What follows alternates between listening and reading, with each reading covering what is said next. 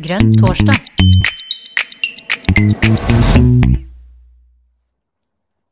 Velkommen til Grønn torsdag.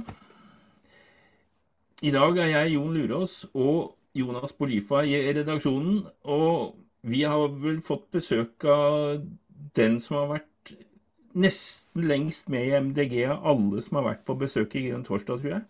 Jeg kan ikke forestille meg For vi har jo ikke hatt Birte Simonsen her, så da um, er det vel bare eh, Jan Boyer Vindheim som slår dette, er ikke det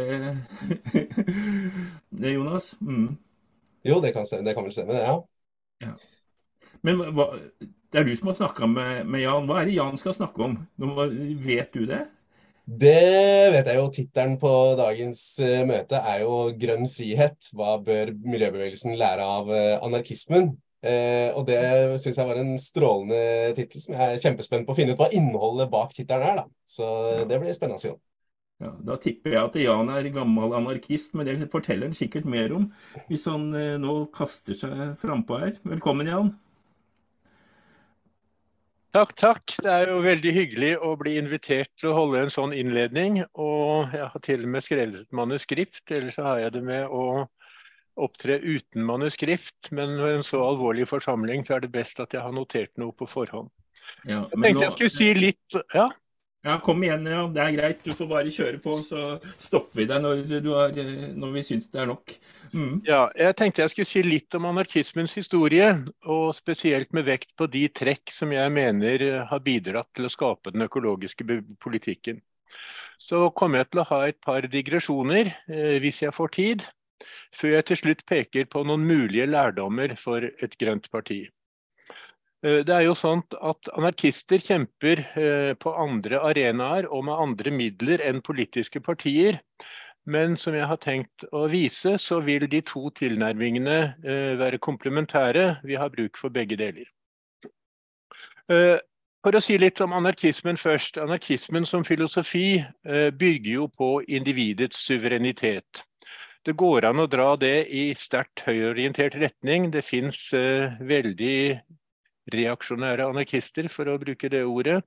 Men de pleier gjerne å bruke et annet ord, de pleier å kalle seg libertarianere. Men altså, det er da en form for anarkisme som hevder eh, det frie marked i ytterste konsekvent med klør og tenner. Eh, den, de, typene, de formene for anarkisme som jeg har tenkt å snakke mer om, er derimot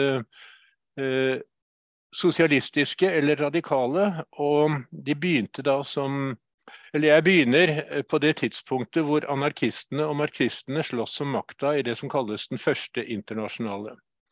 Eh, som kjent så eh, skrev Karl Marx sammen med, sammen med Nå står det stille for meg, ja. Marx og Engels. Marx og Engels greit det kommunistiske manifestet, og de starta en organisasjon som het Det internasjonale arbeidsmannsforbundet. Eh, men der hadde de ikke full kontroll. Eh, det var også anarkister til stede, og de ble ledet av Mikhail Bakunin. Eh, også, han var en russer, da. Men Bakunin pekte jo på, som vi har sett tidligere, at den politikken Marx og hans tilhengere ønsket å føre, førte til diktatur og ikke til frigjøring. Eh, striden mellom Marx og Bakunin førte til oppløsning av den første internasjonale.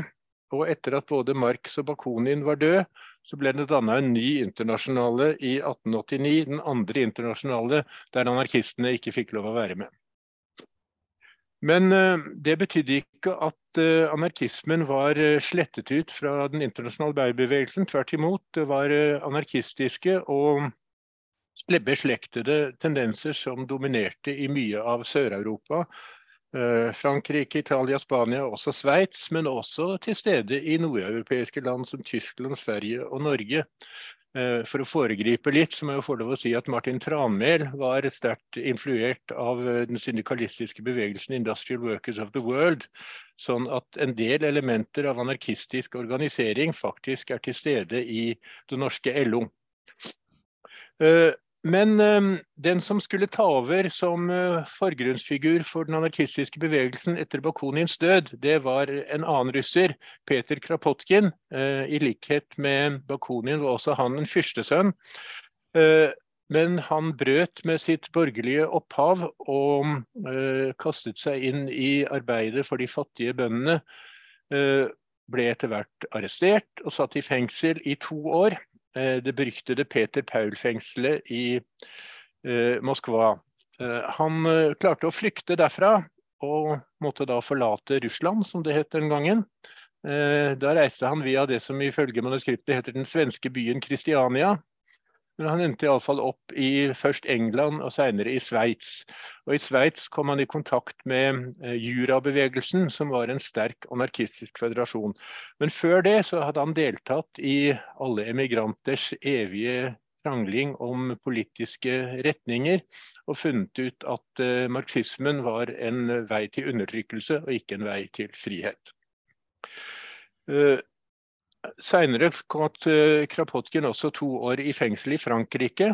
og Det bidro bl.a. til at han skrev en bok om fengselsvesenet, hvor han da går inn for at i det framtidige anarkistiske samfunnet så skal vi ikke ha noen fengsler.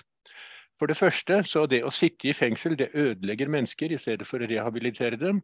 Og for det andre, i et anarkistisk samfunn så vil det ikke være noe grunnlag for forbrytelser. Ingen vil kunne stjele når det ikke er noe eiendomsrett osv. osv. Og, de ganske få vanskelige individene de måtte man klare å håndtere ved å fryse dem ut. Eh, kan jo vurdere om man syns det er bedre enn å sette folk i fengsel, men det var iallfall Krafotkins holdning. Uh, jeg skal si litt ja, Kramfosken eh, tilbrakte resten av sitt liv som intellektuell. Han var aldri noen gatekjemper, selv om han i 1905 eh, tilbød seg å lære seg å skyte for å reise tilbake til Russland og delta i opprøret da. Det gjorde han ikke. Men eh, han utarbeida en anarkistisk ideologi som eh, eh, jeg skal si litt om. Jeg har allerede sagt at han mente at vi ikke trengte noe fengselssystem. Det har også vært eh, lurt å si at han mente at vi trengte ikke noen penger. Alt, han ville ha fred, frihet og alt gratis, som det så vakkert heter. Uh, vekk med lønnssystemet, vekk med pengene.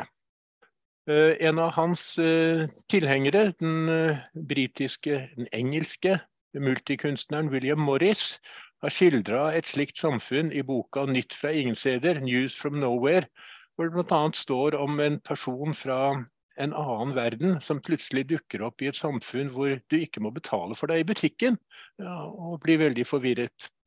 Vi kan jo bli forvirret noen og hver ved tanken på hvordan vi skulle klare å skaffe oss det vi trenger uten penger og uten lønninger. Men dette er ting som anarkistene har eh, spekulert på både titt og hyppig. Men hovedtendensen i Krapotkins tenkning var tanken om at uh, det ikke er slik som Darwin og vulgærdarwinistene tenkte, at det er kampen mot hverandre som er den viktigste drivkraften for menneskelig utvikling. For Krapotkins er det samarbeidet som er det viktigste drivkrafta for menneskelig utvikling. Og det uh, dokumenterte han ved en bok som heter 'Gjensidig hjelp'. På norsk heter den iallfall det. Eh, der skriver han om hvordan bier og andre insekter samarbeider, hvordan forskjellige pattedyr, ulveflokker f.eks., eller flokker av reinsdyr eller elger, hvordan de samarbeider og er nødt til å samarbeide for å overleve. Så drar han det videre til menneskesamfunn på forskjellige nivåer, og slutter opp med en visjon av et industrisamfunn basert på samarbeid i stedet for konkurranse. Det kan være interessant å se på titlene til bøkene til Kropotkin. Jeg har allerede nevnt 'Gjensidig hjelp'. Så har han en bok som heter 'Erobringen av brødet'. Og har en bok som heter 'Jorder, fabrikker og verksteder'. Og Det sier litt om de problemstillingene han var opptatt av. Uh, han mente at uh, mennesker må bruke hele, hele, seg i livet. Altså Vi må både tenke og vi må jobbe med kroppen. Og han mente at uh, de alle som kan, må ha sin egen kjøkkenhage og dyrke sin egen mat. Uh, han tenkte, mente også at uh, byer må utvikles ved at uh, en integrerer grøntområder og, og, bebyggelse, slik at du får en grønn by. Og jeg tror ikke han ville vært tilhenger av høyhus heller. Det er viktig, viktig at en får en integrering der ulike elementer av ønsket liv kan forenes. Der du går ut av fabrikken og ut i parken. Skal vi se. Ja, han, Kropotkin var ikke noen motstander av industri, men han var tilhenger av arbeiderstyrt industri.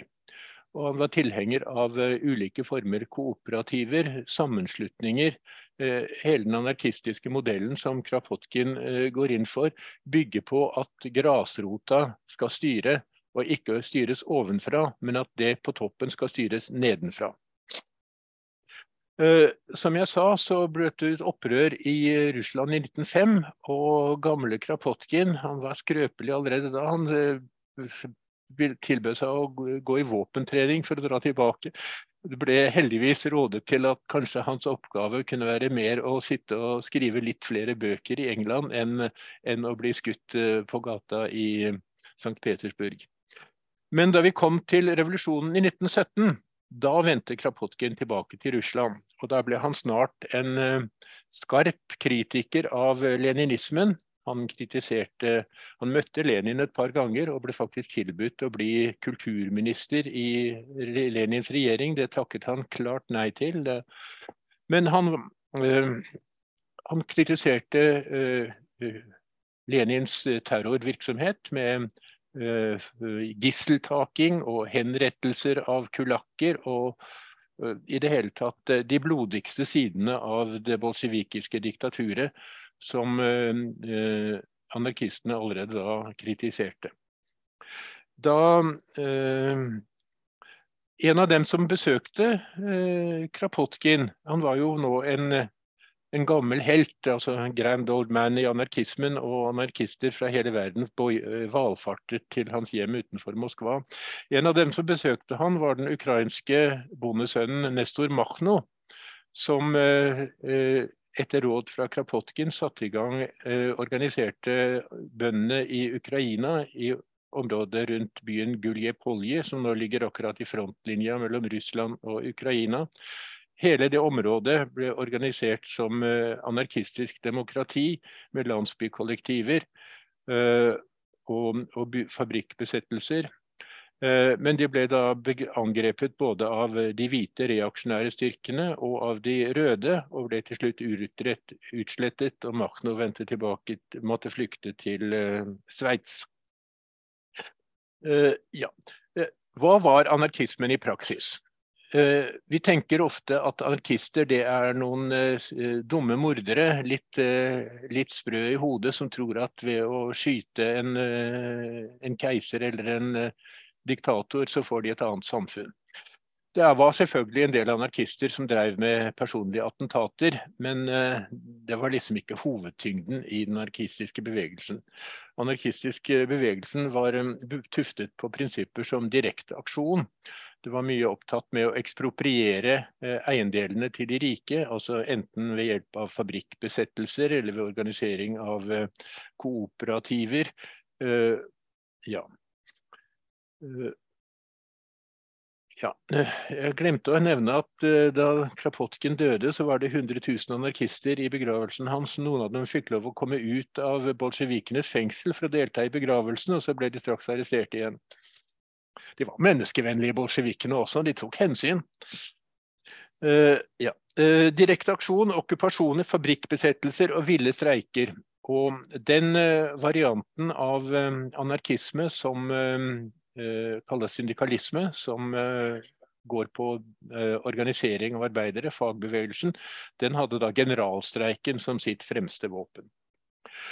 Så det, foruten Machno-bevegelsen i Ukraina, så var det kanskje under borgerkrigen i Spania 1936-37 at anarkistene i størst grad fikk vist hvordan de ønsket å organisere samfunnet. Det var selvfølgelig også i en krigssituasjon, og eh, det var ikke alle anarkister som var ikke-voldelige. Det var jo tross alt krig. Sånn at eh, Men det de har vist, det er at fattige landsbyboere kan slutte seg sammen og drive en landsby sammen uten at de nødvendigvis skal måtte betale eh, alt utbytte til en landeier i Madrid. Jeg skal også nevne at eh, det var en sterk anarkistbevegelse i Sverige, eh, som fortsatt lever i form av den syndikalistiske organisasjonen Sveriges arbeideres sentralorganisasjon, som er en konkurrent til svenske LO. Så skal jeg ta den første av digresjonene mine, og den dreier seg om Gandhi. Formelt sett så var Gandhi Han hadde ikke lest Krapotkin, iallfall nevner han ikke Krapotkin i, i noe skriftlig sted. Men den visjonen av et nytt samfunn som Gandhi trakk opp, minner veldig mye om Krapotkins visjon. Vi kjenner jo til at Gandhi drev med ikkevoldskamp mot det britiske koloniveldet. Det ikke alle kjenner like godt til, er at Gandhi hadde noe som han kalte det konstruktive programmet som gikk på sjølberging. Eh, man skulle eh, undergrave eh, kolonialistenes økonomi ved ikke å kjøpe fra dem. I stedet for å kjøpe industrivarer fra England, skulle man spinne sine klær, spille tråd sjøl og lage sine egne klær. Og det mest illustrative eksempelet er jo saltmarsjen i 1931. Engelskmennene hadde lagt en skatt på salg av salt, som gjorde at eh, folk faktisk hadde problemer med å få råd til å kjøpe salt. Gandhi gikk 500 eh, km med stadig flere tilhengere. og de kom fram til stranda var de 10 000. Gandhi gikk ut i fjæra, plukket opp en håndfull salt som var lagt igjen av sola som skinte, og hadde dermed utfordret det britiske maktmonopolet. At 20 000 indere ble arrestert for dette, det tar vi med, men symbolverdien gjorde at det var Gandhi som vant. Det som også inngikk i det konstruktive programmet, var slike ting som lokale småindustrier. En eh, medarbeider av Gandhi som het Koma Rappa, opprettet et uh, institutt for småindustri hvor de bl.a. jobbet med uh, resirkulering, lage og klutepapir uh, av filler osv. Og hvor de også interessant nok hadde utvikla en eh, kompostdo. De som har vært i India, har lagt merke til at um, toalettforholdene er litt annerledes enn vi er vant til i Norge. Det ligger dritt overalt, for å si det rett ut. Så en av Gandhi-bevegelsens store mål var å hjelpe landsbyboerne til bedre hygiene. Og underveis til det så kunne de da bruke dritten til å lage biogass. Det tok vel 60 år etter det, før vi begynte å tenke på det i Norge. Eh, tilhengere av Gandhi har jo også etter Gandhis død eh, jobbet med miljøaksjoner, f.eks. mot demninger og mot hogging av skog. Eh, det mest kjente eksempelet er den såkalte Shipko-bevegelsen i Nord-India, der kvinner i landsbyene stilte seg opp rundt trærne som, som store industriselskaper skulle hogge for å lage hockeykøller. Det var nemlig en spesiell tresort som egnet seg veldig godt til hockeykøller. Kvinnene stilte seg rundt disse trærne og sa 'hogg meg og ikke treet'. Dette førte til at eh, det ble en endring i politikken. Dessverre er ikke avskoginga i Himalaya slutt, men eh, det ble iallfall en eh, slutt i den. Ja, jeg ser tida går her skal bare nevne at uh, nyeste, uh, nyeste knoppskytinga på dette, en som begynte sin karriere i Shipko-bevegelsen, er Vandana Shiva, som driver en omfattende arbeid for økologisk jordbruk og mot kjemigigantenes uh, industrilandbruk. Greit. Så kommer vi til anarkismen i moderne tid. Eh, altså etter, anarkismen ble eh, i min levetid mer ansett som eh, mat for akademikere og, og, teoretikere, og ikke så mye som en praksis. I arbeiderbevegelsen så var de anarkistiske organisasjonene blitt marginalisert eh, av ulike grunner. Men eh, de anarkistiske impulsene fant nye kanaler i alternativbevegelsen, og da kom vi inn på Hjelms gate, som ble nevnt her etter hvert. Men eh, jeg kan jo nevne at um, i i Holland så oppsto det en bevegelse som het Provo-bevegelsen. Eh, som eh, tidlig på 60-tallet eh, som gikk inn for at det var ikke proletariatet man skulle kjempe for, men det var provotariatet, som besto av ja, bestod av alle mulige marginale eksistenser. Og Blant provoenes kampsaker var hvite kyllinger. altså Kyllinger var et kallenavn for politiet. De hvite kyllingene de skulle stå klar med kondomer og fyrstikker til folk som måtte trenge noen av disse tingene. Og det de også jobba med, provoene, det var hvite sykler. Altså de skulle ha sykler som sto gratis an eh, for alle folk eh, utplassert i gatene, og som ble malt hvite. Det første forsøket med hvite sykler var litt uheldig. Det var litt for få av dem, og de ble stjålet og havna i kanalene og sånn. Ikke ulikt de erfaringene vi har med bysykler i, i Norge. Men det er jo interessant at allerede på 60-tallet så begynte tankene om gratis sykler i bysentrum å dukke opp kan jo også nevne at provoene mente at alle biler måtte ha et uh, blomsterbed på taket. Det ble dessverre aldri realisert. Så at uh, Fra provoene så utviklet det seg etter hvert en ny bevegelse som het kabauterne, altså nissene. og De mente at det nye samfunnet skal vokse ut av det gamle, slik sopp vokser ut av en råtten trestomme. Uh, de gikk inn for å, organ å organisere et samarbeid mellom Eh, okkuperte hus i byene og økologiske gårder eh, utenfor byene. Sånn at de som, de, eh, de som deltok i husokkupasjonene, kunne reise ut og jobbe på gårdene og få mat med seg tilbake. At, de så for seg at de skulle danne et helt nytt samfunn. Altså, de mente at alternativsamfunnet begynner nedenfra, og ikke vente på at en eller annen forsamling etter skal vedta at dette skjer. Eh, tilsvarende så var det jo i mm, USA, som mange har kjent, eh, alternativbevegelsen som gjerne kalles for hippiene, som jobba arbeida med solenergi, vindmøller, eh, biogass, økologisk jordbruk osv., osv., foruten alle de destruktive tingene dere sikkert tenker at de bare dreiv med. Den som videreførte anarkismen i denne sammenhengen, var en som het Murray Bookchin som opprinnelig var trotskist, men som også mente at uh, motkulturen hadde mange gode og konstruktive sider, foruten de destruktive, som vi dessverre kjenner for godt. Uh, han skrev en rekke bøker om bl.a.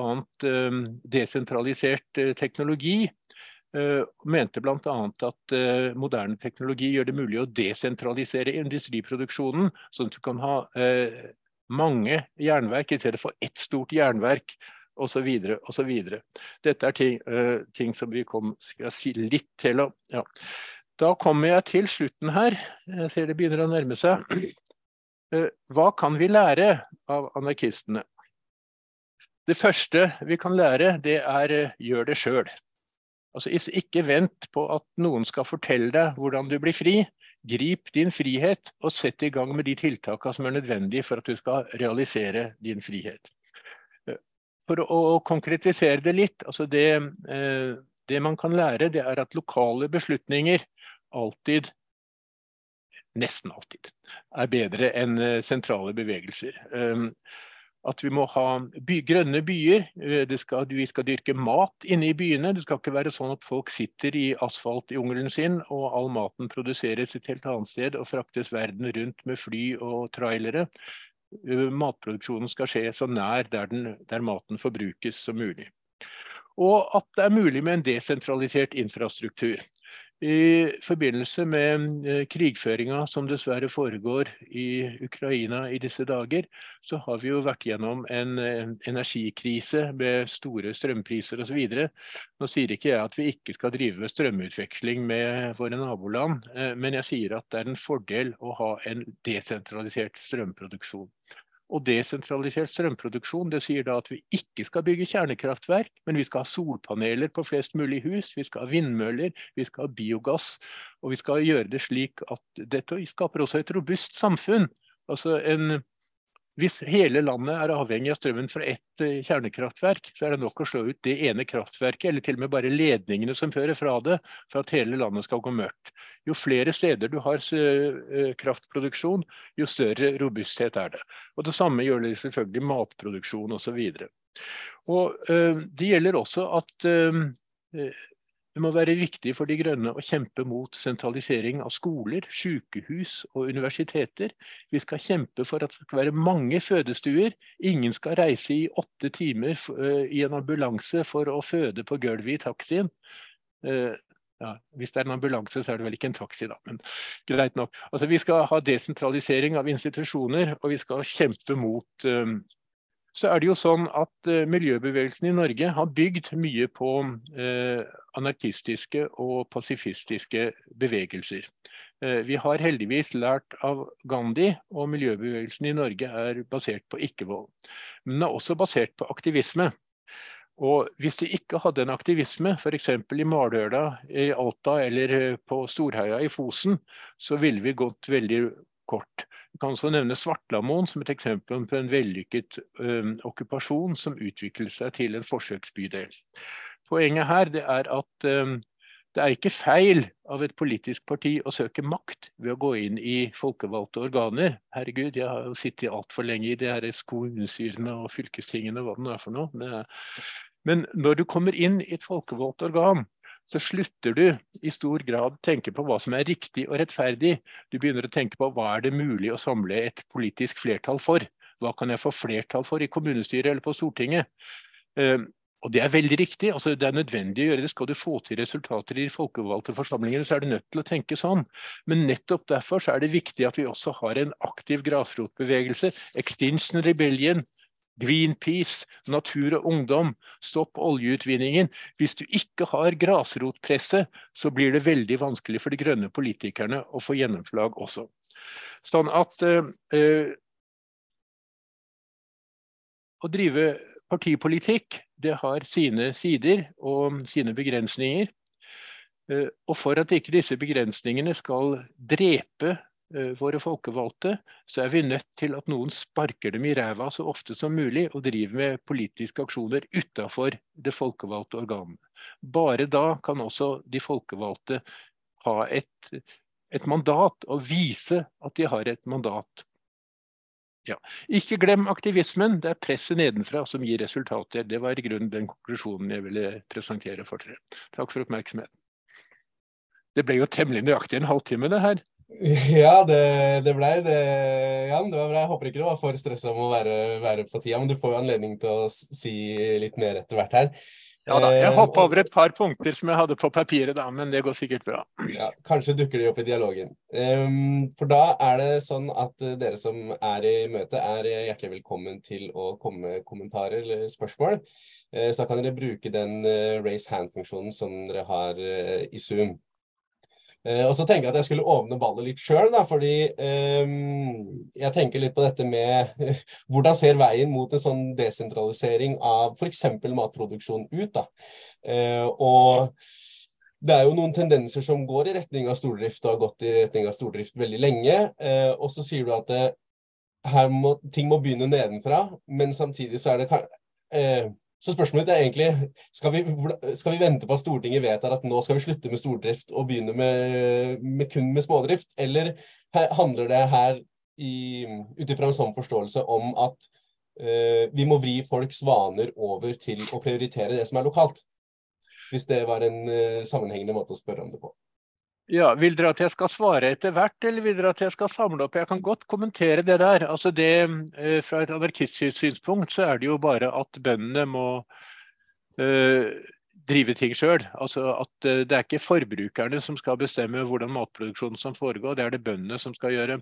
Og i et anarkistisk perspektiv så vil jo eh, En ting er jo at vi skal støtte småbrukere. Det er jo norsk tradisjon at eh, hver bondefamilie sitter på sin egen haug eller i sin egen fjord.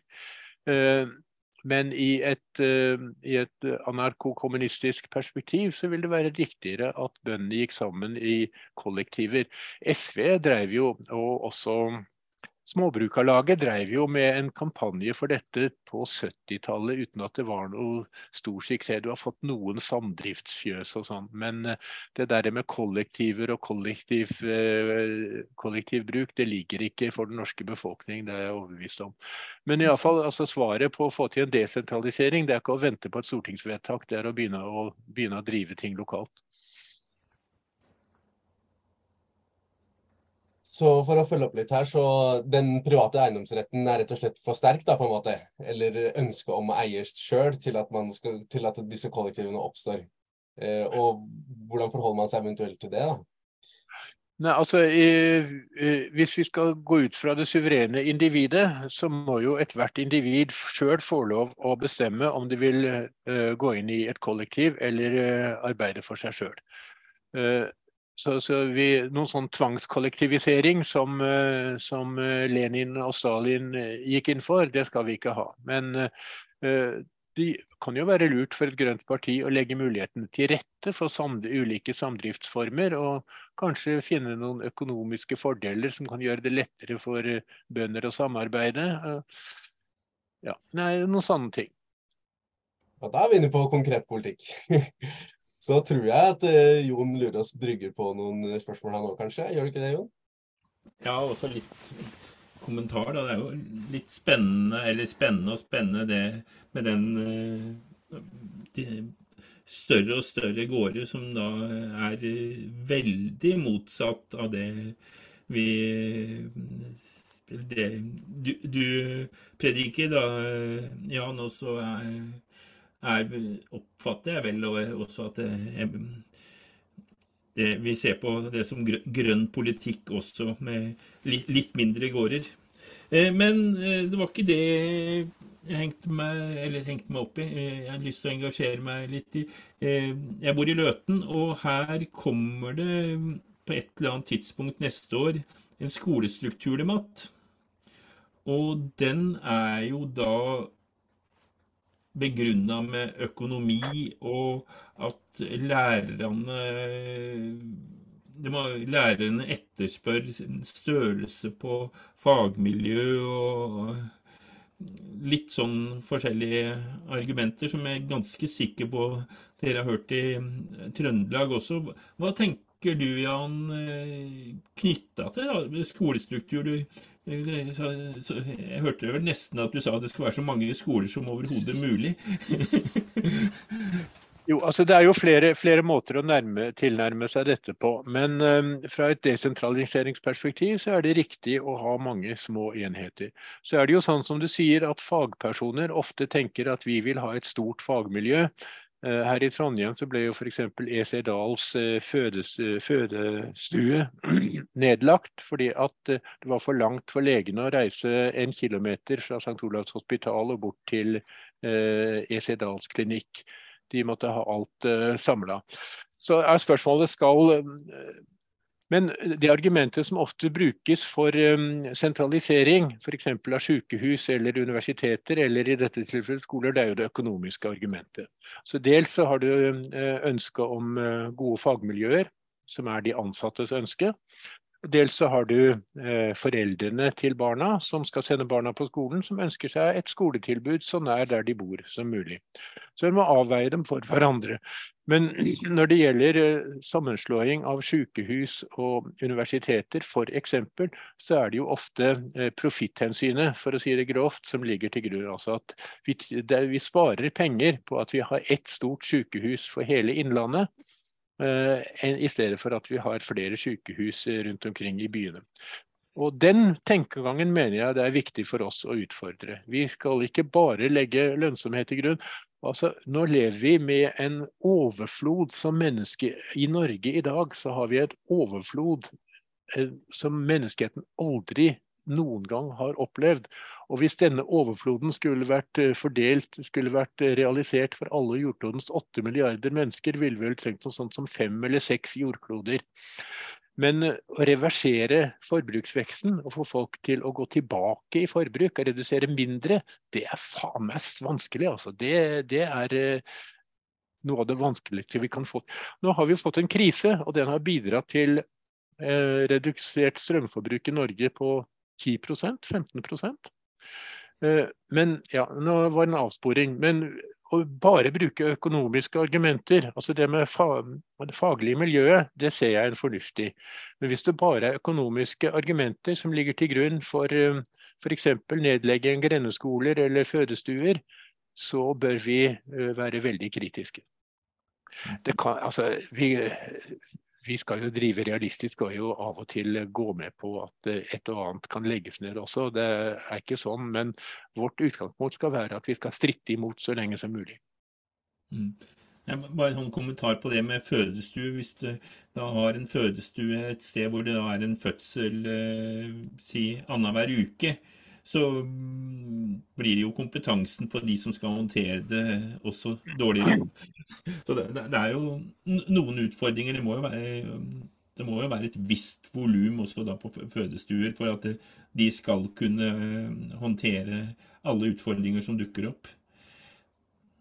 Jo da, og det er liksom det faglige miljøargumentet. Men altså det å føde er en relativt normal ting. Det fødes nå vel ganske mange millioner mennesker rundt omkring på denne planeten eh, hvert år. Og titusener eller hundretusener hver eneste dag. Sånn at frams, Jeg sier ikke at det ikke er risikabelt å føde, altså det kan det jo være. Men de fleste fødsler går veldig greit. Og eh, med det, det, vi kan ikke, vi kan ikke altså vi, For annengangsfødende, hvis første fødsel gikk greit, så er det ingen grunn til at de skal måtte legges inn på sykehus, tillater jeg meg å si.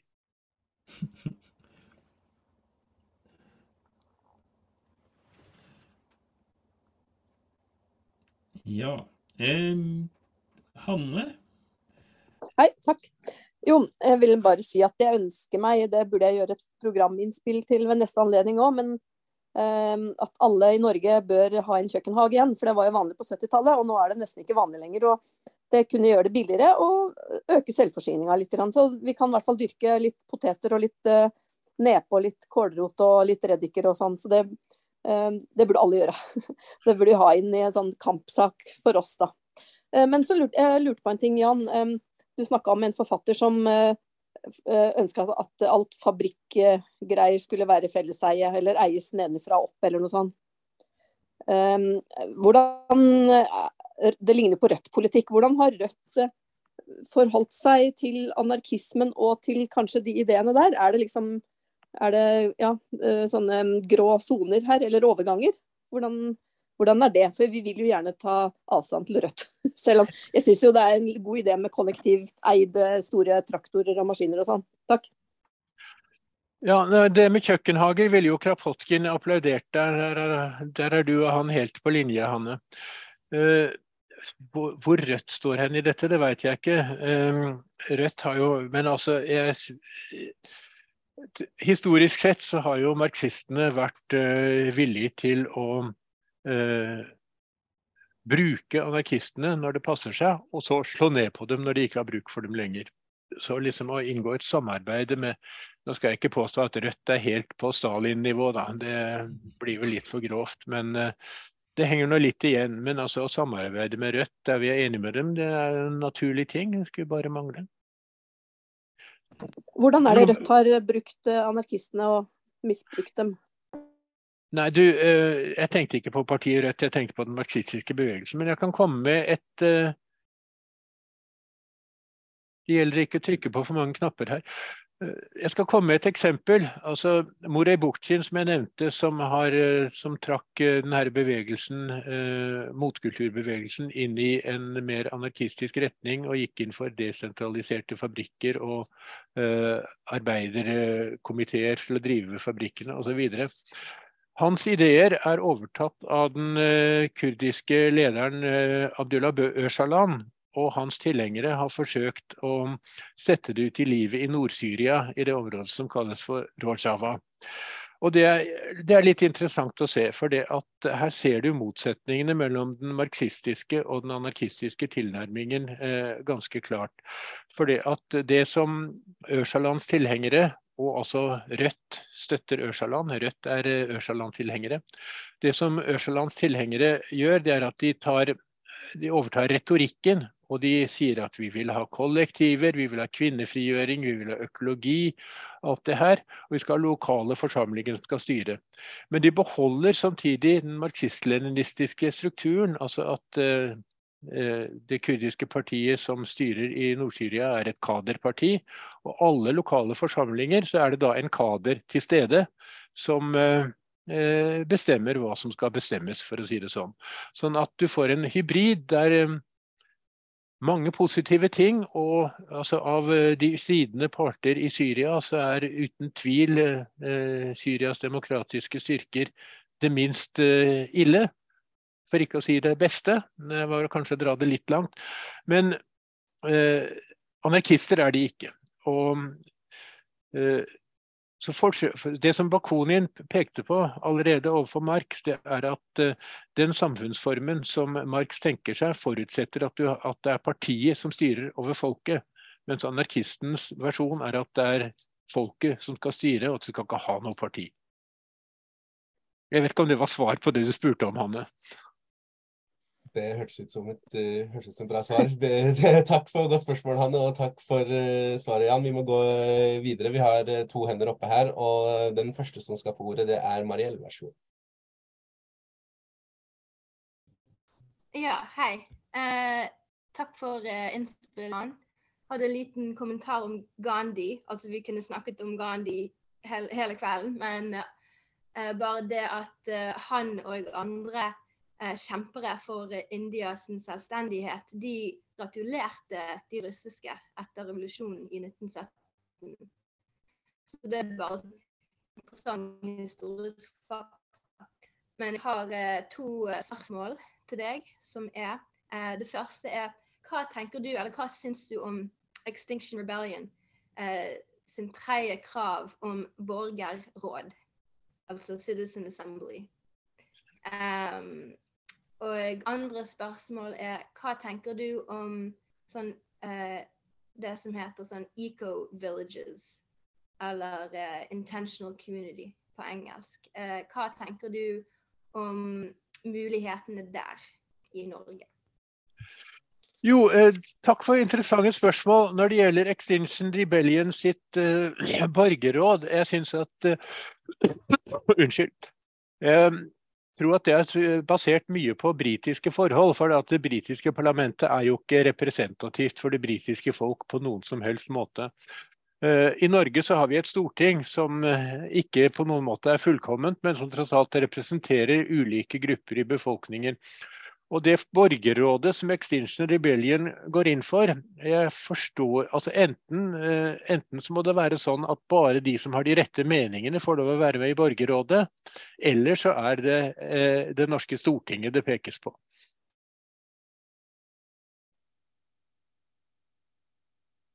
Var det et spørsmål til som jeg glemte?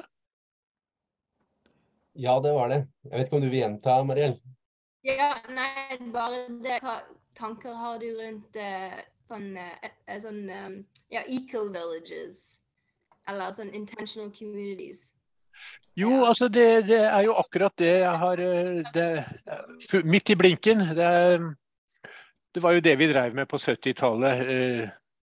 Eh, jeg har sjøl drevet med kollektiver hvor vi prøvde å samle folk. Det er vanskeligere enn man kanskje tror. Men det finnes jo eksempler på mm, vellykkede eh, kollektivsamfunn hvor folk har felles økonomi, eh, roterer arbeid. Alle, ingen er spesialist på å være skifte bleier eller HGV. Alle kan gjøre begge deler. Og felles økonomi og osv. Så videre, sånne ting. Det er jeg ville gjerne sett flere sånne. Eh, men eh, det som er beslekta med dette, det er jo det eh, konseptet som kalles frivillig enkelhet. Altså at, Jeg snakka jo litt om det før, at forbruksnivået som vi har i dag, er, lar seg ikke overføre til hele verdens befolkning. Og det er veldig vanskelig for oss å finne en måte å få folk til å redusere forbruket på. Det, må være ubehagelig. Men det fins altså mennesker eh, i verden, og mange av dem vil nok stemme på Miljøpartiet De Grønne, som forsøker å redusere sitt eget forbruk så mye som mulig. Enten både altså Intentional communities er det jo da flere som slår seg sammen for å, for å redusere forbruket sitt. F.eks. ved å ha én traktor på deling på flere gårdsbruk, eller én fòrhøster som kan høste fòr flere steder. eller en vaskemaskin, så ja, ikke sant? Altså, Det går an å dele på ting og redusere forbruket. Men uh, uh, ja. Takk. Har du noe mer, Mariell? Nei. Elise? Jo, jo kanskje. Ja. Altså, jeg lurer på uh, muligheten i sånn eco-villages til å faktisk endre samfunnet. Er det noe vi skal satse på? Med tanke på sånn eh, Å bruke krefter som vi har. Skal vi satse på det, liksom? Jeg tenker vel at vi må bruke krefter på å endre vår egen livsførsel og på å være eksempler på, på, på det samfunnet. Altså, det er ikke lett. Du kan, kan, ikke leve i dagens samfunn uten å ha et forbruksnivå som er skyhøyt over det som er akseptabelt. Det har vi alle sammen, enten vi vil eller ikke. Men det går an å prøve å, å redusere det, og det går an å samarbeide med andre. Men samtidig så er det viktig at vi går inn i de folkevalgte forsamlingene. At vi går inn i storting og prøver å komme inn i regjering for å få fatta de vedtakene som er nødvendig for at vi får til den forbruksreduksjonen som må til, den omlegging av energisystemene som må til, osv. osv. osv. Men poenget mitt er at hvis det ikke er et press nedenfra, fra grasrota, fra Natur og Ungdom, fra Extinction Rebellion osv.. Hvis ikke det presset er til stede, så blir det veldig mye vanskeligere for de folkevalgte å presse sine krav også. Men du får, du, altså, du, du ikke, du får ikke et nytt samfunn bare ved grasrotaksjoner, dessverre. Takk. Eh, da, Elise, vær så god. Hvis du Der, ja. Mm. Ja. Uh, ja, jeg syns ideen om det pengeløse samfunnet er interessant. Uh, men jeg syns den er vanskelig, hei, veldig vanskelig å forestille uh, men noe jeg kunne ha forestilt meg, er konseptet om borgerlønn. det syns jeg er noe som man faktisk kunne ha realisert. så jeg er interessert i å høre hva du tenker om borgerlønn. Jo, jeg syns det er en kjempeidé, og det er selvfølgelig, som du påpeker, mye mer realistisk enn et pengeløst samfunn. Og altså, Hvis man skulle tenke seg at et pengeløst samfunn var et framtidig mål, så ville jo borgerlønn være en god overgang på veien mot det. Jeg tror dessverre ikke, iallfall ikke i min levetid, ja, jeg er ganske gammel, men jeg tror ikke at vi får et pengeløst samfunn i min levetid. Kanskje ikke i levetida til noen av dere som hører på meg heller.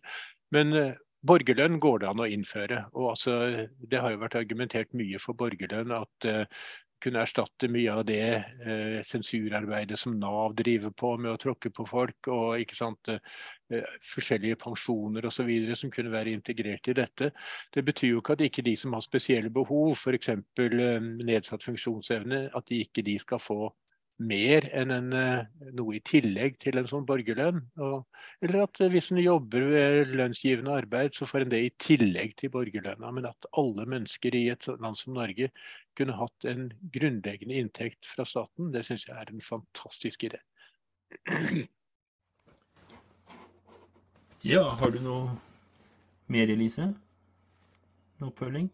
Uh, nei, jeg syns det Jeg var bare interessert i hele greia. Jeg forestiller meg at hvis vi prøvde å innføre det pengeløse samfunnet, så hadde det blitt veldig greit å bare gå på Finn og bytte. Da hadde vi fått byttesamfunnet.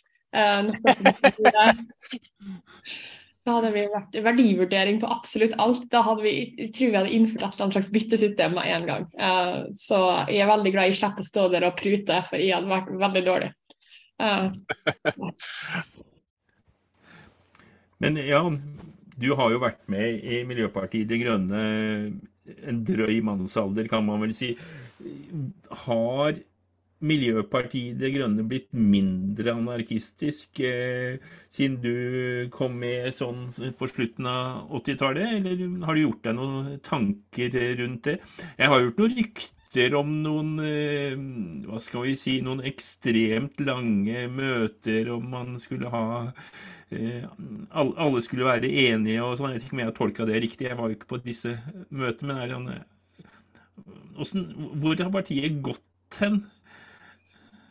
Ja, så det, eh, Miljøpartiet De Grønne i dag er jo et vel organisert parti og med profesjonelle folk. Eh, det er lenge siden vi smurte kneippbrød og sov på flatseng.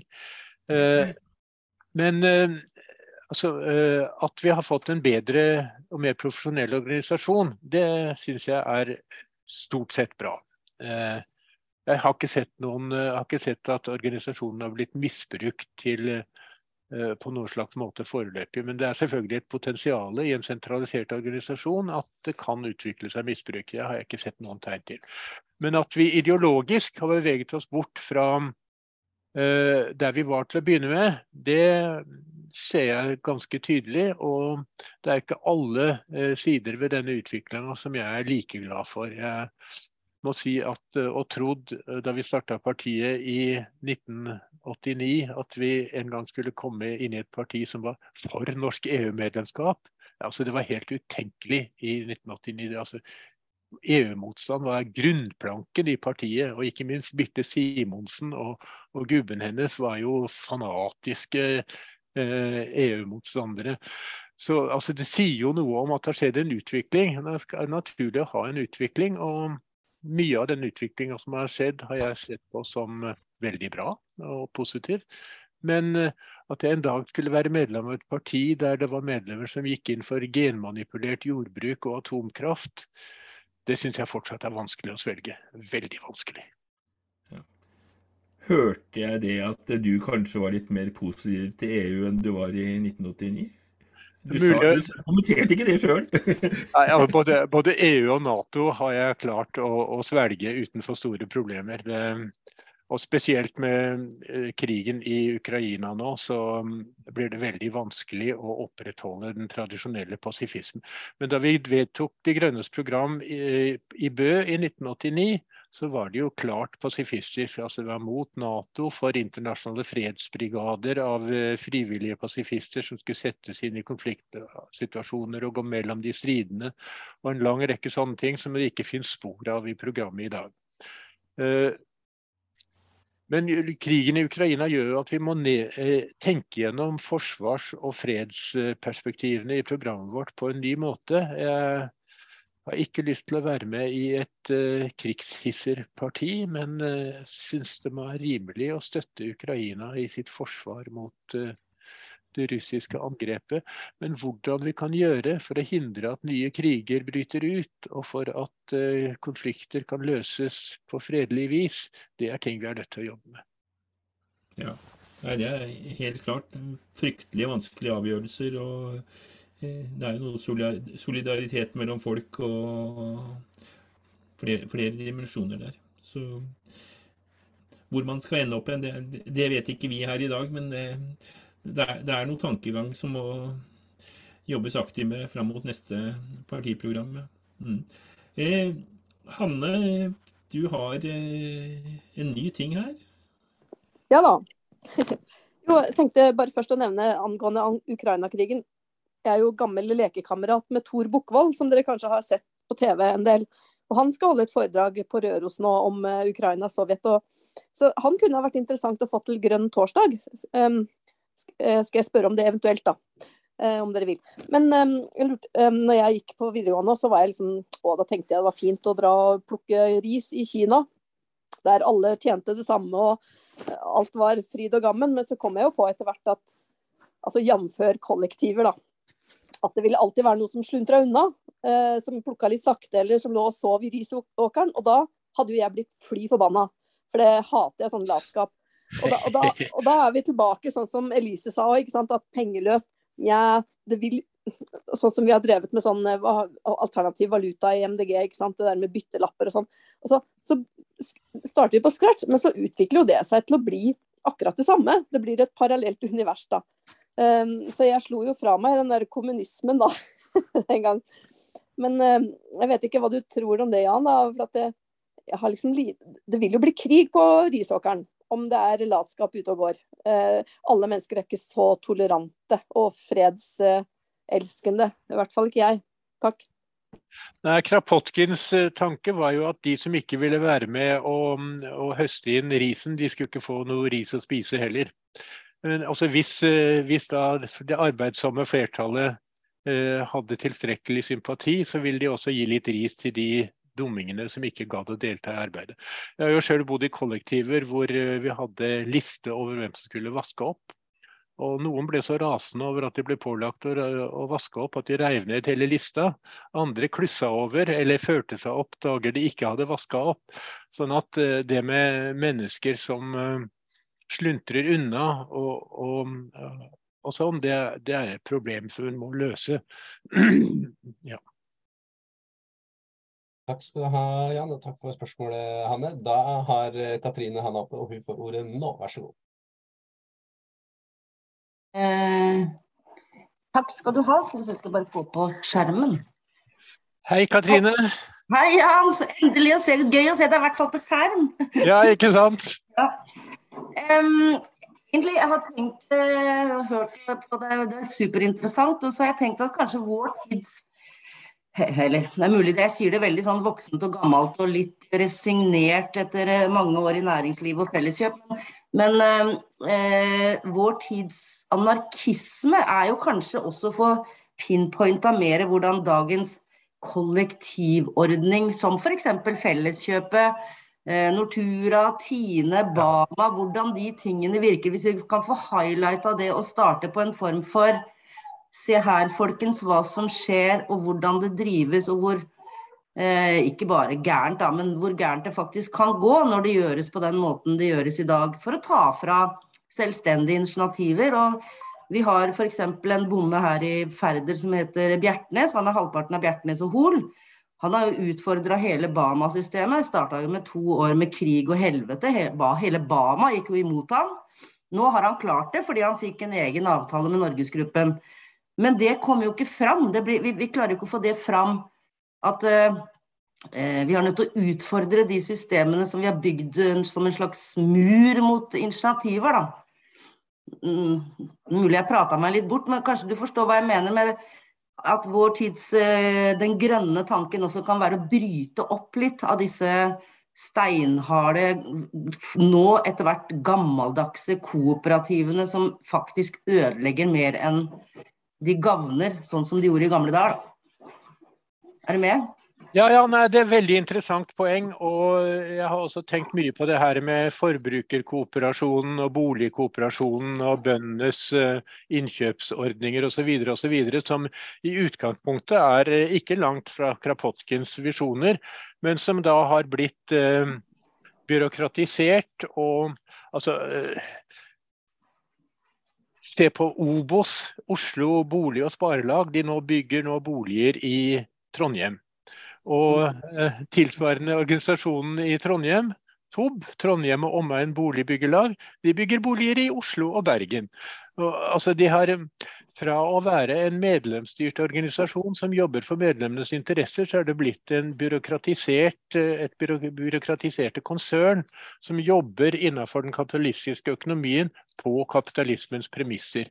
Så forsøkene på å bygge kollektiver for å undergrave kapitalismen, de har slått feil. Altså Kapitalismen har overtatt kooperativene, i stedet for at kooperativene har undergravd kapitalismen. Ikke sant. Ja. Så det kan, jo, det kan, jo, kanskje være noe vi kan tenke på framover i, i, både hvordan vi skal jobbe altså Bryte litt opp og, og, få informert litt mer rundt den biten og sett pinpoint på akkurat det. da. Det, det, har jeg veldig lyst til, i hvert fall.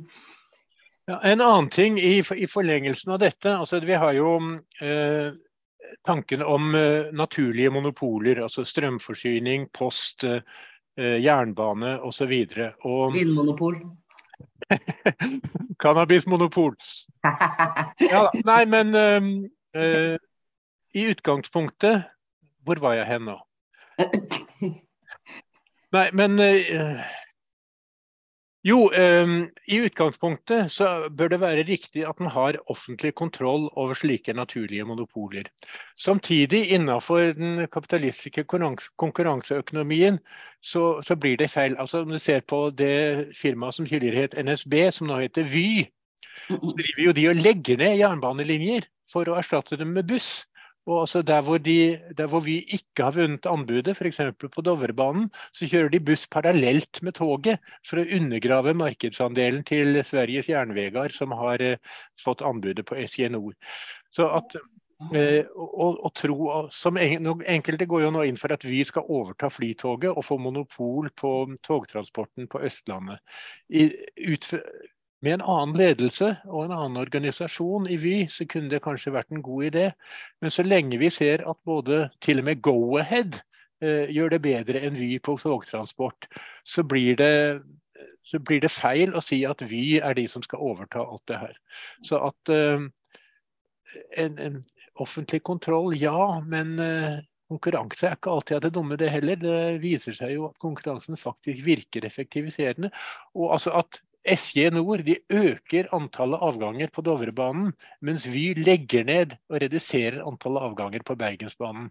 Så mm. at eh, Jeg ville heller overlatt uh, flytoget til SJ Nord enn til Vy, for å si det sånn. ja. Nå, nå, noterte jeg meg at uh, Jan uh, heier litt på konkurranse. Det, ja. det, det skal vi ta, ta, med oss til neste korsvei. Det skal vi. Men, uh, men, Katrine, jeg tror Jonas har noe mot slutten her, for klokka går jo altfor fort. Så hva har du for noe, Jonas? Nei, Det er jo riktig det, at vi nærmer oss slutten på den timen som utgjør Grønn torsdag. Men det jeg gjerne ville spørre deg om, Jan, er jo vi, holder, vi skal jo revidere prinsipprogram. Og er det sånn at sitter du framme i stolen, og er det noen ting du er, er, ordentlig spent på om vil eh, falle ut eller tas inn i det prinsipprogrammet? Eh, og ja, ser du for deg å sende inn noen forslag til det? Det er, akkurat, det er jo kanskje litt uh, vanskelig å ta stilling til over bordet før man har sett et utkast, men jeg lurer litt på hva du tenker om den prosessen, og uh, hvilken betydning det vil ha. Da. Det begynner jo å bli uh, en stund siden sist vi reviderte det prinsipprogrammet. Nei, Jeg er jo veldig glad for at partiet er i utvikling, selv om det ikke er alle utviklingstrekk som eh, varmer mitt hjerte like mye. Men uh, en uh, viss en forsterket tendensen i form av troen på teknologiske løsninger på det som i grunnen er i stor grad er mentale problemer. Altså at vi har vent oss til et forbruksnivå osv. Og, og vi da skal finne nye teknologier som gjør det mulig for oss ikke bare å opprettholde dagens forbruksnivå, men til og med å fortsette å øke det. Altså, det kan ikke være Miljøpartiet De Grønnes oppgave å legge til rette for at forbruket skal fortsette å øke og øke, bare fordi at noen folk blir veldig sinte hvis vi sier at dere har kjøpt nok.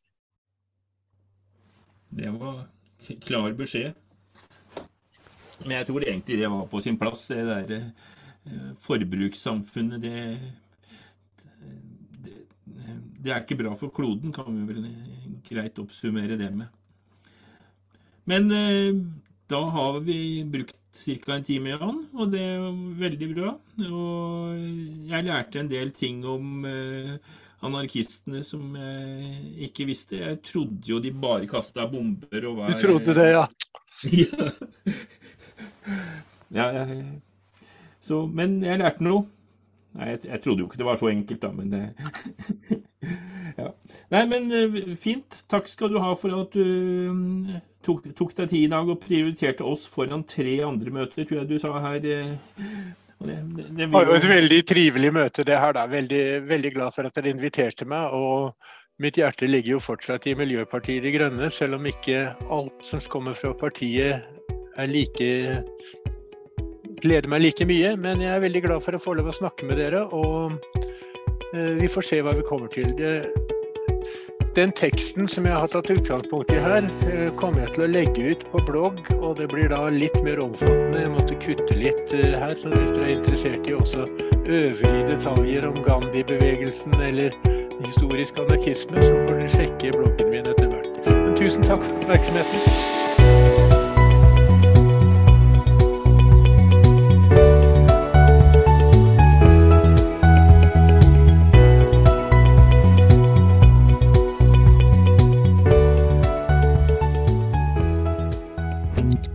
Grønn torsdag.